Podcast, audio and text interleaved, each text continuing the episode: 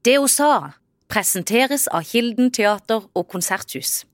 Og revisjon, advokat og rådgivningsselskapet PwC. Jeg brukte jo veldig mye tid på å kritisere meg selv som mor. Ikke sant? Nok en morgen som gikk galt. Eh, masse dårlig samvittighet. Gråt mye, var veldig mye lei meg. Eh, fordi at jeg syntes det ble så dumt med barna. Hadde veldig en følelse at jeg er den eneste som er så eh, håpløs mor, liksom. Altså, hvorfor, hvorfor får jeg ikke til dette?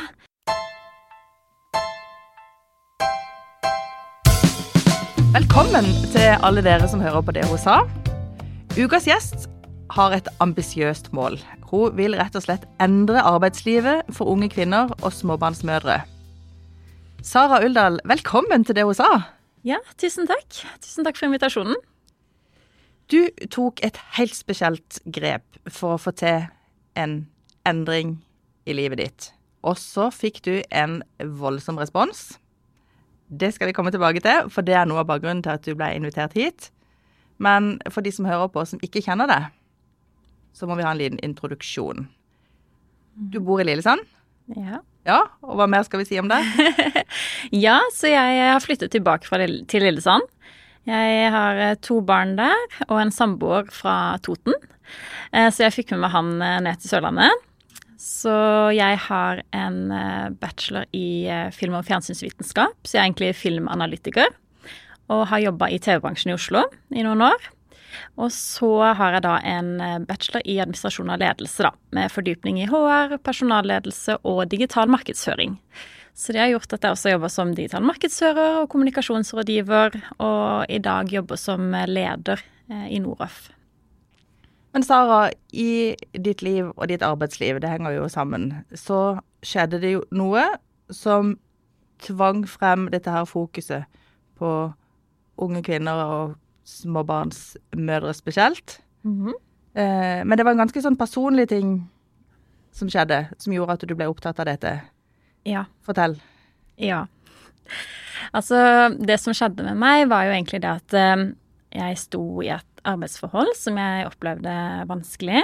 I tillegg hadde jeg da veldig små barn, og kjente at det, det begynte å skurre veldig i forhold til overskudd. Eh, sov dårligere og dårligere, både pga. stress på jobb, men også i forhold til det at barna var mye våkne på natta. Og endte til slutt opp med å bli eh, skikkelig utbrent. Skikkelig. Altså, vi snakker ett år. Men, men hva skjer da? Så hva, hva skjedde med deg når du var utbrent? Nei, da var det jo Det var ikke så mye som skjedde da, egentlig. Da var jeg jo helt nedfortelling. Eh, da var jeg jo bare eh, Sov og trente og prøvde å finne både en motivasjon til å kunne jobbe igjen, men eh, måtte gå mye terapi og rett og slett komme over eh, mye av det som hadde skjedd egentlig i, eh, i arbeidslivet, og det at eh, ja, å utvikle en angst rett og slett da, i forbindelse med, med, det. Men når du ser tilbake på det nå, mm. hvis vi skal være litt sånn konkrete, da. Mm. Var det rett og slett kombinasjonen da av arbeid som et arbeid hvor du ikke, ikke trivdes, mm. og det å skulle være småbarnsmor samtidig. Var det den kombinasjonen som ble for heftig? Ja, det var, det var, um, det var akkurat det det var. Eh, det var et uh, vanskelig arbeidsforhold, og så var det det at uh, jeg hadde små barn og strakk ikke til. Og var jo i tillegg, som så mange andre, en flink pike, ikke sant. Og takler ikke helt det der at man Eh, ikke klarer å levere. Man har veldig høye krav til seg selv og, eh, og, til jobben man gjør. Og vil kanskje ikke ha noe tilrettelegging, ikke sant. Kom, ikke god kommunikasjon, klarer ikke å få fram at man egentlig trenger litt tilrettelegging. Vil stå og løpe ut. Og så ender det bare med altfor mange forventninger til en selv, og, og til slutt da rett og slett gå på en kjempesmell, da. Mm. Hvis du tar oss med litt tilbake til hvordan du hadde det da. Mm. Um, og hvordan kunne en, en da se ut da du kjente på disse høye skuldrene og på at ting ikke funka? Ja, altså som jeg jo blant annet skrevet litt om, da, som jeg fikk veldig mye tilbakemelding på, så har jeg jo beskrevet en sånn klassisk morgen i mitt liv eh, på den tiden. Og det var jo eh, akkurat denne følelsen at du, liksom, du, legger deg på kvelden og du gruer deg skikkelig til natta fordi du vet at du må være våken, og så gruer du deg til morgenen fordi du vet at du skal rett i kampmodus med to eh, viltre unger som ikke vil i barnehagen. Og du vet at du har en klokke som tikker og går fordi du skal være på, på jobb til morgenmøtet. Sånn at eh, det der at eh, ingenting går på skinner fra morgenen av, og så kommer man på jobb, og mitt, i mitt tilfelle, da, og også for mange andre, så var det å være på jobb ikke noe fristed. Det blei en annen um, Det ble også et sted hvor jeg på en måte brukte alt jeg hadde av overskudd, da. Så er det når du da kom hjem igjen, ikke sant, kanskje stressa seg hjem for å hente barna i barnehagen og være den gode mora som ikke lot de være lenge i barnehagen. Og så kommer du dit, og så vil ikke ungene hjem, ikke sant. De, så da er det skriking og hyling for å få de inn i bilen igjen. Og så hjem, og så er alle trøtte og slitne og sultne. Og så går det egentlig bare til den siste kampen som er å få de i seng. Det høres ut som jeg var veldig alenemor, jeg var ikke det, jeg har en samboer òg, men eh, han eh, jobba turnus, så det var mye morgener som jeg hadde alene, da. Så, så jeg, jeg, følte vel egentlig at det høres ut som disse barna er helt uh, Litt voldsomme, det, men jeg tror de er helt vanlige barn. Men det ble bare veldig mye. Uh, og, og, og, i kombinasjon med veldig høye krav til meg sjøl, så ble det bare uh, rett og slett for mye. Mm. Men um, i en ideell verden, mm. hva kunne ha hindra at du kom i den situasjonen? Så jeg tror Det er jo lett å sitte og tenke tilbake på det nå etterpå, da. Men um, barn er jo barn, eh, så man får liksom ikke endra de så veldig mye. Um, men absolutt eh, både det i forhold til arbeidsgiver, at jeg skulle ønske at jeg hadde den kunnskapen jeg har nå i forhold til det med kommunikasjon, i forhold til det med å være tydelig på mine behov eh, og mine opplevelser og hva jeg trenger. Men også i forhold til min egen selvsnakk, da. Ikke sant? Jeg brukte jo veldig mye tid på å kritisere meg selv som mor. Ikke sant? Nok en morgen som gikk galt. Eh, masse dårlig samvittighet. Gråt mye, var veldig mye lei meg. Eh, fordi at jeg syntes det blei så dumt med barn. Og hadde veldig en følelse at jeg er den eneste som er så eh, håpløs mor, liksom. Altså, hvorfor, hvorfor, får jeg ikke til dette? Eh, så jeg skulle jo virkelig ønske at jeg hadde eh, vært litt greiere med meg sjøl eh, eh, når det sto på som verst, da, og senka kravene litt. For jeg tror jeg hadde hatt en mye bedre opplevelse Eller det hadde vært liksom litt lettere å bare ikke ha press fra alle kanter, da. Hvis jeg ikke hadde tatt det så alvorlig alt sammen. Og da var du ute av arbeidslivet et års tid. Du ble sykemeldt. Mm, mm. Um, hvordan var det? Det var kjempelivskrise. Eh, det var veldig um, eh, nytt, ikke sant. Hadde aldri vært borti noe sånn før. Og eh, det var jo på en måte godt, fordi livet mitt var jo bare redusert til trening og eh, soving. Sov veldig mye. Og eh, ja, det, det, var en stor kontrast til sånn det hadde vært. Um, og så var det veldig sånn skambelagt, hele greia. Altså igjen, jeg var vant til å fikse alle utfordringene som kom imot meg.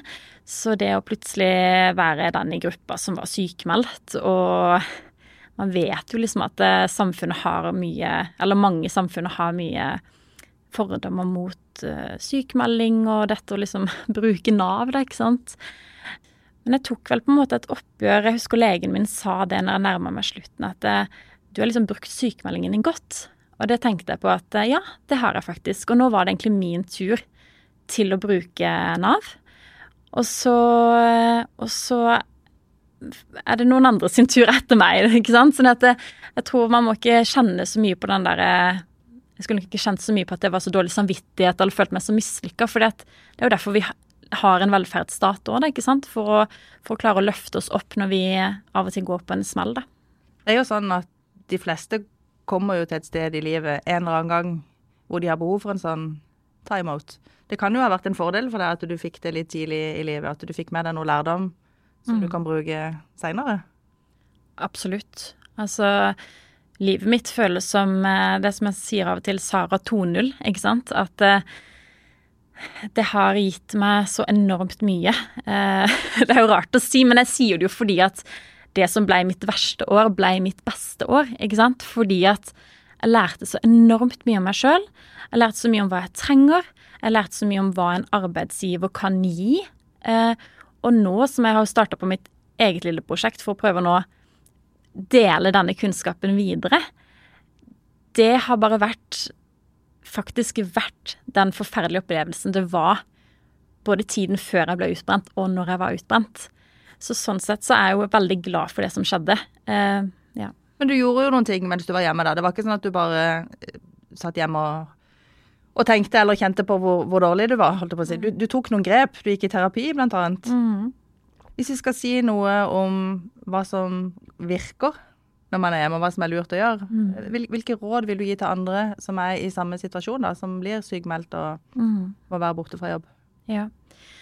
Um, spørs jo liksom litt hvorfor man er blitt sykmeldt òg, da. Men jeg føler jo selv at jeg har et veldig sånn åpent forhold til dette med terapi, og uh, tenker at det er kjempe uh, bra, et kjempebra tilbud da, uh, for å få snakka ut og, og renska opp i begrensende tanker som ligger hos en. da.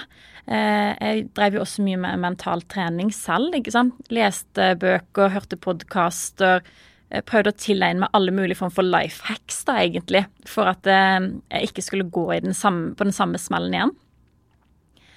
Og så jo mer jeg på en måte ble komfortabel med dette selv, jo mer eh, delte jeg jo med andre. Eh, og det tror jeg også er kjempeviktig, både fordi at du, du viser til andre at det, dette er normalt, dette er OK, men også for din egen del. At du faktisk ikke går rundt og føler på skam, ikke sant. Med en gang du deler, da, så fjerner du Det blir litt som det her trollet ute i sola, ikke sant. Og sånn føltes det for meg at jo mer jeg delte, jo mer um, jo, jo, jo, mindre tabu ble hele opplegget, da. Også trening. Masse trening. Det syns jeg er bare en fantastisk uh, måte å få den der endorfinrushet, og det hjelper veldig mye med i en sånn situasjon, da. Du hadde lyst til å dele den erfaringa du hadde fått.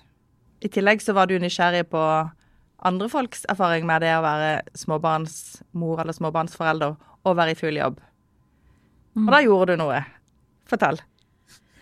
Ja, altså um, Jeg lagde ut en LinkedIn-post um, hvor jeg etterlyste unge kvinner og um, småbarnsmødre i arbeidslivet. Fordi jeg ønsket å høre med den Jeg har jo min erfaring, ikke sant, og jeg har fått høre mye fra andre om at de tenker mye av de samme tingene, men jeg tenker hvis jeg skal få noe slagkraft her, så trenger jeg mange erfaringer. Så jeg utlyste da at disse menneskene kunne komme og ta en digital kaffe med meg, eller en fysisk hvis de var i Kristiansandsområdet. Nettopp fordi jeg hadde lyst til å snakke med dem om hvordan opplever du arbeidslivet som småbarnsmor eller ung karrierekvinne. Um, har du opplevd noe som har vært veldig greit eller veldig dårlig. Eh, og ikke minst, hva trenger du egentlig um, for å ha det bra på jobb? Så jeg tror jeg har vel fått uh, rundt 50 henvendelser på den posten. Uh, så det har vært kjempeinteressant. Jeg kom akkurat fra en kaffeavtale før jeg kom hit nå. Det var rett og slett damer som har tatt kontakt med deg og har lyst til å fortelle sin historie? Ja. Det her er mennesker jeg kun har møtt som har tatt kontakt gjennom LinkedIn. Jeg har jo nå i et halvt år skrevet mye på LinkedIn og fått en ganske stor følgerskare der. Blant annet fordi jeg har delt om dette med å bli utbrent, dette med småbarnslivet og arbeidslivet, dette med å trene på hjemmekontor, som har gjort at uh, det jeg skriver får uh, ofte Noe av det får veldig mye reaksjoner, da. Og det her var jo en av de tingene som jeg tror kanskje folk nå setter at De assosierer med med disse utfordringene, men også da løsningene, ikke sant. Så jeg tror mange hadde lyst til å bidra inn der, for det de har sagt, at åh, den talte til meg, den posten. Fordi ofte, veldig mange av disse har også vært gått på en smell selv, da, vært utbrent i den, av kombinasjonen arbeidsliv og småbarnsliv. Men også det at de, de har et sånn håp, alle sammen, om å få til en endring. Og jeg tror de har nesten venta på en liten, altså en person som kan komme inn og på en måte lede skuta. For jeg tror alle har liksom slått seg litt til ro med at sånn er arbeidslivet. Men det funker veldig dårlig. Men er det det som skjer nå, at du har blitt en sånn slags leder? En som de lener seg på, som er um, den som på en måte målbærer den frustrasjonen da, som tydeligvis er hos en del småbarnsmødre? Ja, åh, jeg blir litt sånn svett av å høre det. fordi at uh, jeg merker jo det når de sier det, at uh, liksom åh, heier så på deg, Sara, og jeg tror så på dette prosjektet ditt. Så ja, eh, altså de Vi har alle høye forventninger til at dette skal bli noe mer, og en av måtene som jeg gjør det på, da, er jo at jeg starta mitt eget selskap nå, hvor jeg ønsker å jobbe med bedrifter som ønsker å altså, integrere og tilrettelegge på en bedre måte for unge karrierekvinner og småbarnsmødre. Det er jo en enormt ressurs, ressurssterk gruppe. Eh, men de trenger også å bli spilt gode. Derfor så tror jeg at hvis man kan få lov til å jobbe med disse bedriftene som ønsker disse arbeidstakerne, og fortelle de litt om det er dette de trenger, så tror jeg også at det kan være med på å endre arbeidslivet veldig for en enormt stor gruppe i samfunnet. Som igjen da, og det er på en måte hovedmisjonen min, er jo da å senke eh, andelen med utbrent eh, i denne, akkurat i denne alders- og eh, kjønnsgruppen, da. Men disse rundt 50 damene som har tatt kontakt, mm. hva, hva, er det de forteller, da? Alle har jo sin unike historie, men eh, det er noen ting som går mye igjen. Eh, mange føler jo på eh, mye problemer rundt dette med å f.eks. være syk selv eller ha syke barn. ikke sant? Eh, de føler på dette med at de blir uglesett de, hvis de må gå tidlig fra jobb for å hente i barnehagen. Noen har jo opplevd å ikke bli ansatt fordi de har vært gravide. Noen har opplevd å bli kjefta på fordi de ber om hjemmekontor. Det å f.eks. gå ut også i permisjon, komme tilbake, ikke egentlig finne sin plass. Kanskje ikke bli helt inkludert fordi man kanskje ikke regnes med lenger fordi man faktisk må dra klokken tre og ikke klokken fire for å hente noen barn. Så overordna så er vel det de kjenner på, er at åtte til fire funker ikke med også å være en god mor. En god arbeidstaker og en god mor, det fungerer ikke i veldig rigide rammer. Men kan det være at noen av disse damene har litt for høye ambisjoner? Mm. Både med tanke på hva det vil si å være en god mor og en god arbeidstaker. Går det an å bare senke skuldrene litt og ja, ikke stille så høye krav til seg sjøl? Ja, jeg tenker jo at problemet er jo litt sammensatt her, ikke sant. For én ting er jo hva arbeidsgiver kan gjøre for å møte denne gruppen. Men som jeg har snakka mye med de om òg, jeg tar en, en coaching-sertifisering nå hvor vi snakker om dette med attribusjoner. Og det handler jo veldig mye om hvordan, hva du tenker at andre tenker. Eh, og det har jeg jo utfordra noen av de på ikke sant, i disse samtalene. At hvis du føler på at eh, f.eks. ikke du kan ta sykt barn-dag, da, ikke sant. Men hva med å snakke med lederen din om det, og spørre er dette, er dette noe jeg føler, eller er det noe du mener? Fordi jeg tror nok veldig mange av oss kan Sånn var jeg mye før òg, nå jobber jeg veldig med å ikke være sånn, ikke sant. Det er en av de tingene jeg har lært med å være utbrent. Men eh, at man kan skape seg eh, gjør å antakelser, og så lager man sannheter basert på de. Og det er veldig ødeleggende, og det er noe som jeg tror veldig mye flinke piker gjør mye av, da. Ikke sant? At de har så høye krav til seg selv, og de tolker og opplever, og gjerne negativt, mer enn kanskje egentlig det som er eh, avsender, da, f.eks. en leder eh, sin intensjon i det hele tatt. Mm. Men hvor ofte får du lyst til liksom, å ta litt tak i det, riste det litt og si liksom Skjerp deg litt, eller slapp av litt. Nei, altså jeg, jeg, rister, jeg, rister, lite. Men jeg prøver i hvert fall å spille ballen over, da. For jeg tenker det kan være en sånn fin ting å ha hvis man suller seg litt inn i sine egne eh, tanker, da.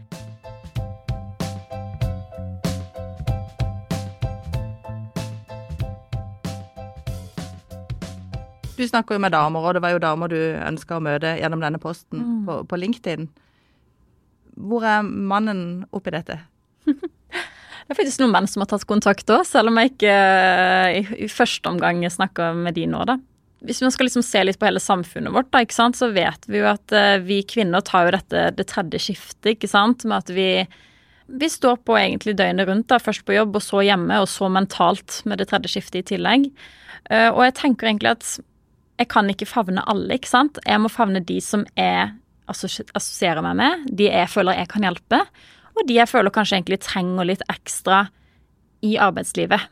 For meg blir det da naturlig å gå mot kvinnene, ikke sant, fordi jeg tenker at de ikke sant? Hvorfor jobber så mange kvinner deltid, da, eksempel, versus menn? I 2020 så var det dobbelt så mange, over dobbelt så mange kvinner som jobber deltid som menn. Eh, ja, det kan jo selvfølgelig være fordi at de jobber i en sektor hvor det er mer vanlig, men det kan jo også være fordi at det er kvinnene som kjenner så mye på alt det ansvaret som er med hus og barn og ja, alt i hjemmet, da. At de da, den som er OK, vet du hva, nei, men jeg tar 80 det. Jeg tar 60% fordi jeg vil gjerne liksom holde i dette, og det er noe jeg legger på meg sjøl. Så det, det, er jo egentlig det jeg har lyst til å utfordre med alt det her, og tenke må kvinner jobbe redusert for at, hus, for at livet skal gå opp med jobben? Eller kan vi faktisk tilrettelegge så mye på en arbeidsplass at kvinner kan jobbe 100% For det unner jeg virkelig kvinner å gjøre. Det har jo jeg fått liksom slengt tilbake når jeg har vært i media med mine saker, at er det ikke bare å jobbe redusert, da? Ikke sant? Eh, og det er sånn er egentlig ikke bare å jobbe redusert med de kostnadene som er i dag. Iallfall hvis man på en måte har lyst til å ha et eh, Altså, ja, man kan sikkert jobbe redusert, men aldri gjøre noe opplevelse med barna, da, ikke sant. Det å ha et boliglån i dag. De fleste er avhengig av at, at uh, begge jobber. Men hvis vi da slår fast at vi ønsker at flest mulig jobber fullt, både menn og kvinner, uh, så ønsker vi selvfølgelig ikke at kvinner da skal bli utbrent, uh, og at det skal bli for mye. Mm. Men hvor er det en må gå ned på, på ambisjonene, da? Er det på husarbeid? Må vi tørre liksom å ha det litt mer rodete og ikke være så nøye? Er det på fritidsaktiviteter? Eller handler det litt om at en må bare ta inn over seg at en, i en periode av livet så kan en ikke drive med alt? Kanskje man kutter noe egen trening, egen tid? Uh, jeg tenker at mange av de som har tatt kontakt, vil jeg tro lever i nokså sånn velfungerende forhold med mor og far eller mor og mor. Um, og har OK jobber, ressurssterke, egentlig. Mm. Uh, er det sånn at de vil ha alt? De vil både ha masse egentid og eh, vellykka, hjem og karrierer og mm. må, må vi rett og slett justere litt på forventningene akkurat i den fasen? Ja, for noen så kan det jo selvfølgelig være at de har altfor høye krav til seg selv. Men egentlig tror jeg at uh, veldig mye hadde vært løst. Det er ikke så veldig mye disse kvinnene egentlig ber om. De ber egentlig bare om å få litt fleksibilitet i forhold til når de kan komme og gå på jobb, f.eks. Det du sier nå, det, det hørtes jo veldig fornuftig og mm. greit ut. Og det tenker jeg at de fleste arbeidsgivere bør kunne klare òg. Men det har jo vært mange eh, oppslag i media i det siste og mye fokus på hvor forferdelig travel småbarnstida er. Mm. Det kan jo fremstå som litt sånn sutrete også? Ja, altså nei. Jeg, jeg, føler ikke Jeg kan ikke si at jeg syns det er sutrete, altså. Jeg kan ikke det. Nei, for nå spør jeg deg, for du treffer jo mange av disse. ja. Det er aldri sånn at du tenker at nei, dette var Kan de ikke bare slappe av litt mer? Nei, altså sånn Jeg tror veldig mange de prøver bare å De har et liv, og så blir de foreldre, typisk. Og så prøver de egentlig bare å klare å finne en kombinasjon av livet sitt. Jeg tror veldig mange nedjusterer. Eh, ikke sant? De har kanskje terskelen her, så setter de den ned, men de det er en prosess, og noen på en måte går inn i den sånn fordi at de har fremdeles veldig høye krav, og det går ikke med arbeidslivet. Mens noen klarer å kanskje finjustere seg så ikke det blir eh, de samme utfordringene. Jeg tenker at, vet du hva, Det er sånn som jeg har sett mye i, når jeg har vært ute med den saken min med det med småbarnsmødre. Da, at det er noen som er veldig opptatt av å si at sånn har vi alltid hatt det. Så derfor så trenger vi ikke slutte å syte, rett og slett. Og det tenker jeg sånn OK, men fordi om det har vært sånn før, da, for 40 år siden f.eks., når veldig mange var hjemmeværende med barna, eh, så er det ikke sånn vi har det i dag. Og skal ikke samfunnet endre seg og bli bedre bare fordi at en person tidligere har fått det til å funke? Altså det er så mange faktorer, da. Eller f.eks. da en mannlig leder som har hatt en kone hjemme, som har passa på barna. Så klart har ikke han så veldig mye sykt barndag, og han. Så det er jo noe med å respektere at folk lever forskjellige liv. Det er også noe med at folk som vi snakker om, de lever jo forskjellige liv. Det er jo mange som er alene om eh, foreldreoppdraget, eh, hvis jeg kan, kan, kalle det det, også. Um, og de skal jo også kunne klare å være i jobb mm. samtidig som de er foreldre. Ja. Og da, hvis jeg forstår det rett, så tenker du at løsninga ligger ikke i at de skal ta seg sammen, de ligger i at arbeidsgiver eh, må legge bedre til rette. Og da har jo du rett og slett spesialisert deg litt på å um, si, opplyse om hva arbeidsgiver kan gjøre, mm. og også hva arbeidstaker kan gjøre i, da, i, i, kommunikasjonen. Eh, kan du si litt om det? Kan du gi noen råd til arbeidsgivere? Ja, eh, og det var akkurat det du slutta på der. da, ikke sant? Kommunikasjon. Det er jo en av nøklene her, og det ser jeg jo i de eh, samtalene jeg har hatt òg. At eh, sant? Vel, de fleste ledere, håper jeg, går på jobb og tenker i dag skal jeg gjøre en god jobb. Eh, men det betyr ikke nødvendigvis at alle ledere er rusta til å gjøre det. Det kan være mange grunner til at en leder er i en lederrolle. Eh, og det å jobbe med den kommunikasjonen man har med teamet sitt, eller de Ja. Det, det tror jeg har utrolig mye å si for hvordan Altså hvordan rammene er på arbeidsplassen. Eh, og det opplever jeg at veldig mange kvinner de bare føler, igjen som jeg sa i sted, de føler mye. De føler at sjefen tenker dette eller opplever det eller sånn og sånn. Og men, men, snakk sammen, ikke sant? Men hvis ikke det er en kultur for å snakke, hvis ikke det er en åpen dør, hvis ikke det er rom for å banke på døra Kanskje de har prøvd det, kanskje de har blitt avvist, kanskje de har kommet med et forslag på hvordan noe de trenger og blitt avvist der. Så skapes det da en avstand som gjør at de rett og slett istedenfor at de prøver på nytt, da, så begynner de å se seg om et nytt sted å jobbe. Fordi at de kjenner at her Dette fungerer ikke. Og det er mange av de jeg snakker med, de bytter jobb, f.eks. en prøvetid Istedenfor at jeg sånn nesten står og venter på at de seks månedene skal gå for at yes, ok, nå er jeg ansatt. Så er det sånn nei, nei, her er det bare å hive seg og si opp mens du er i prøvetid. For dette, dette funker tydeligvis ikke. Her er det noen helt andre rammer enn det som funker med et småbarnsliv. Og der, sånn som du skisserer det nå, så ligger litt av ansvaret hos arbeidstaker for den kommunikasjonen. Men arbeidsgiver ja. bør jo kanskje ha et rigg som gjør at det er mulig å komme med den Nemlig. beskjeden. Det ligger hos begge, absolutt. Arbeidsgiver må, må ha en altså, det å tørre å spørre Mitt inntrykk er ofte at eh, det virker som de er litt redde for å spørre hva trenger du? Vi ser at du er sliten, vi merker at du kommer litt for sent. Er det noe som skurrer hjemme? Er det veldig mye utfordringer? Vet du har små barn? Er det noe vi kan gjøre for at du skal ha det bedre på jobb? Kan vi møte deg? Kan vi flytte på et møte? Kan du ha litt hjemmekontor? Kan vi ta et møte på Teams? Det er masse tiltak de kan gjøre, men det virker av og til som at liksom tanken på å strekke ut lillefingeren, da, at det kan føre til at eh, de er litt redd for at arbeidstakeren bare skal liksom ta noe som koster masse penger, og eh, bli en sånn kjempeprosjekt for de. Men det som er så fascinerende, at det er jo ikke så veldig mye de ber om, disse småbarnsmødrene eller unge kvinnene, da. Det er egentlig bare litt fleksibilitet. God kommunikasjon. Litt sånn hybridløsning. At man kan sitte litt hjemme, litt på jobb. Um, kanskje sitte litt på hytta, ikke sant. For det, det, finnes på en måte to typer arbeidsgivere. Det er liksom de som sier åh, vi mistenker at folk drar på hytta på fredager. Og det vil vi jo egentlig ikke, så derfor vil vi at alle skal komme inn på fredager. Og så har man de som er litt lenger fram i skoa, som sier vi mistenker at folk drar på hytta på fredager. Og det tenker vi er så bra, for da vet vi at de jobber skikkelig effektivt på den fredagen fordi de har lyst til å ut på ski med familien etter klokka når de er ferdig med oppga dagens oppgaver, da.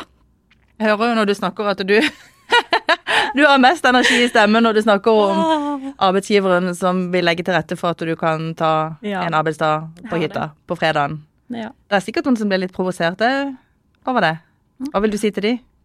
De må nesten, hvis du liksom løfter blikket litt da, og ser på hvilke arbeidsgivere som eh, tiltrekker seg arbeidssøkerne i dag, da, så er jo det de som tilbyr det lille ekstra.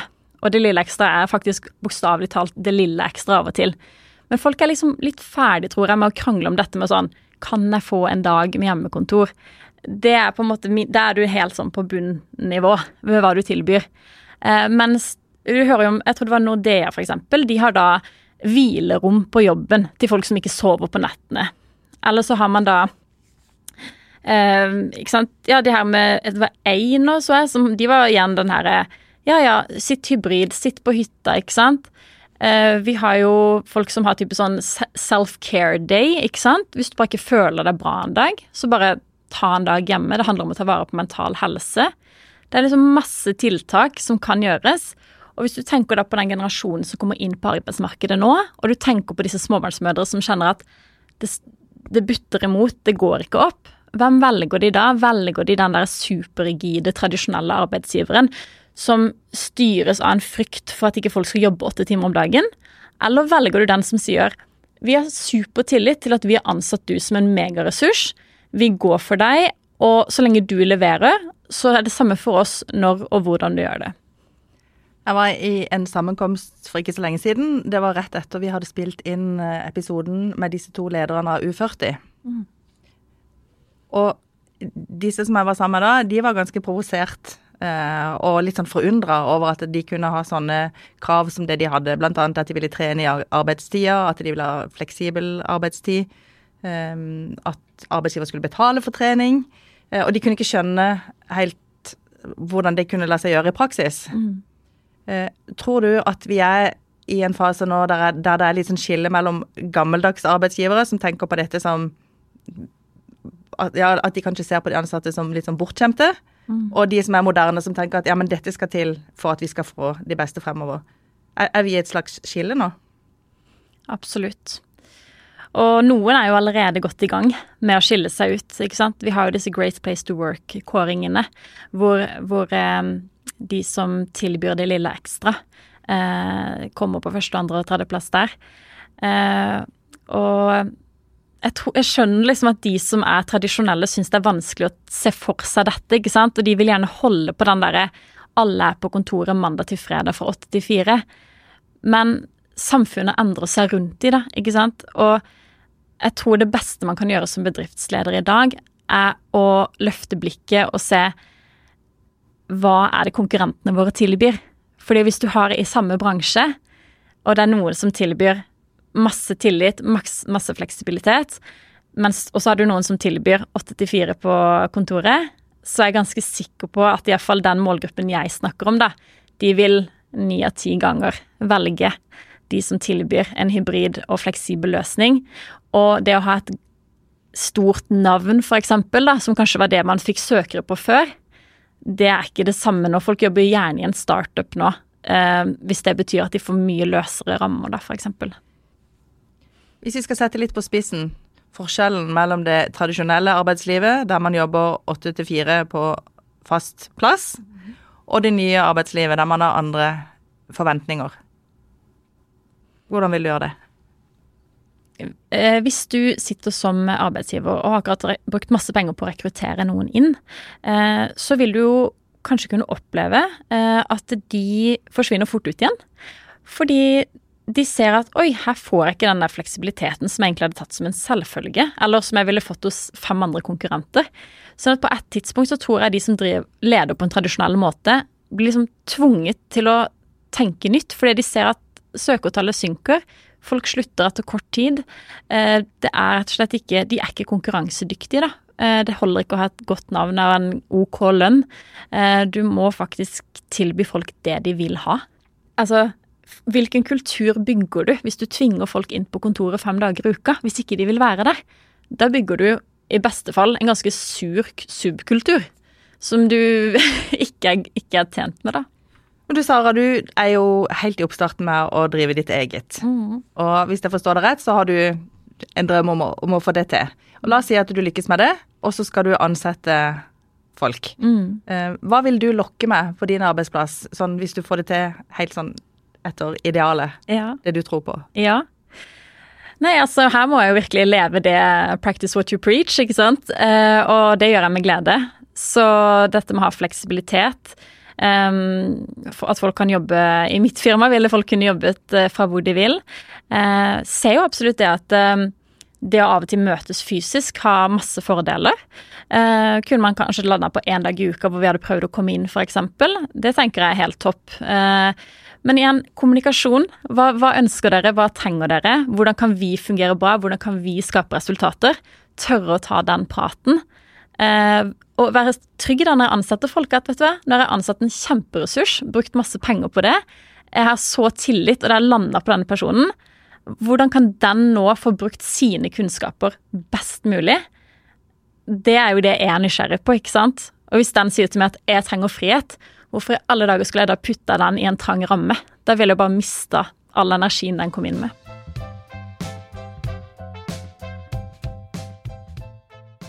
Men sjøl så jobber du jo eh, på Noroff, Mhm. og jeg så et leserinnlegg som du hadde skrevet. Der fortalte du at du med god samvittighet går og trener i arbeidstida og kommer tilbake med ny energi. Ja. Aksepterer de det?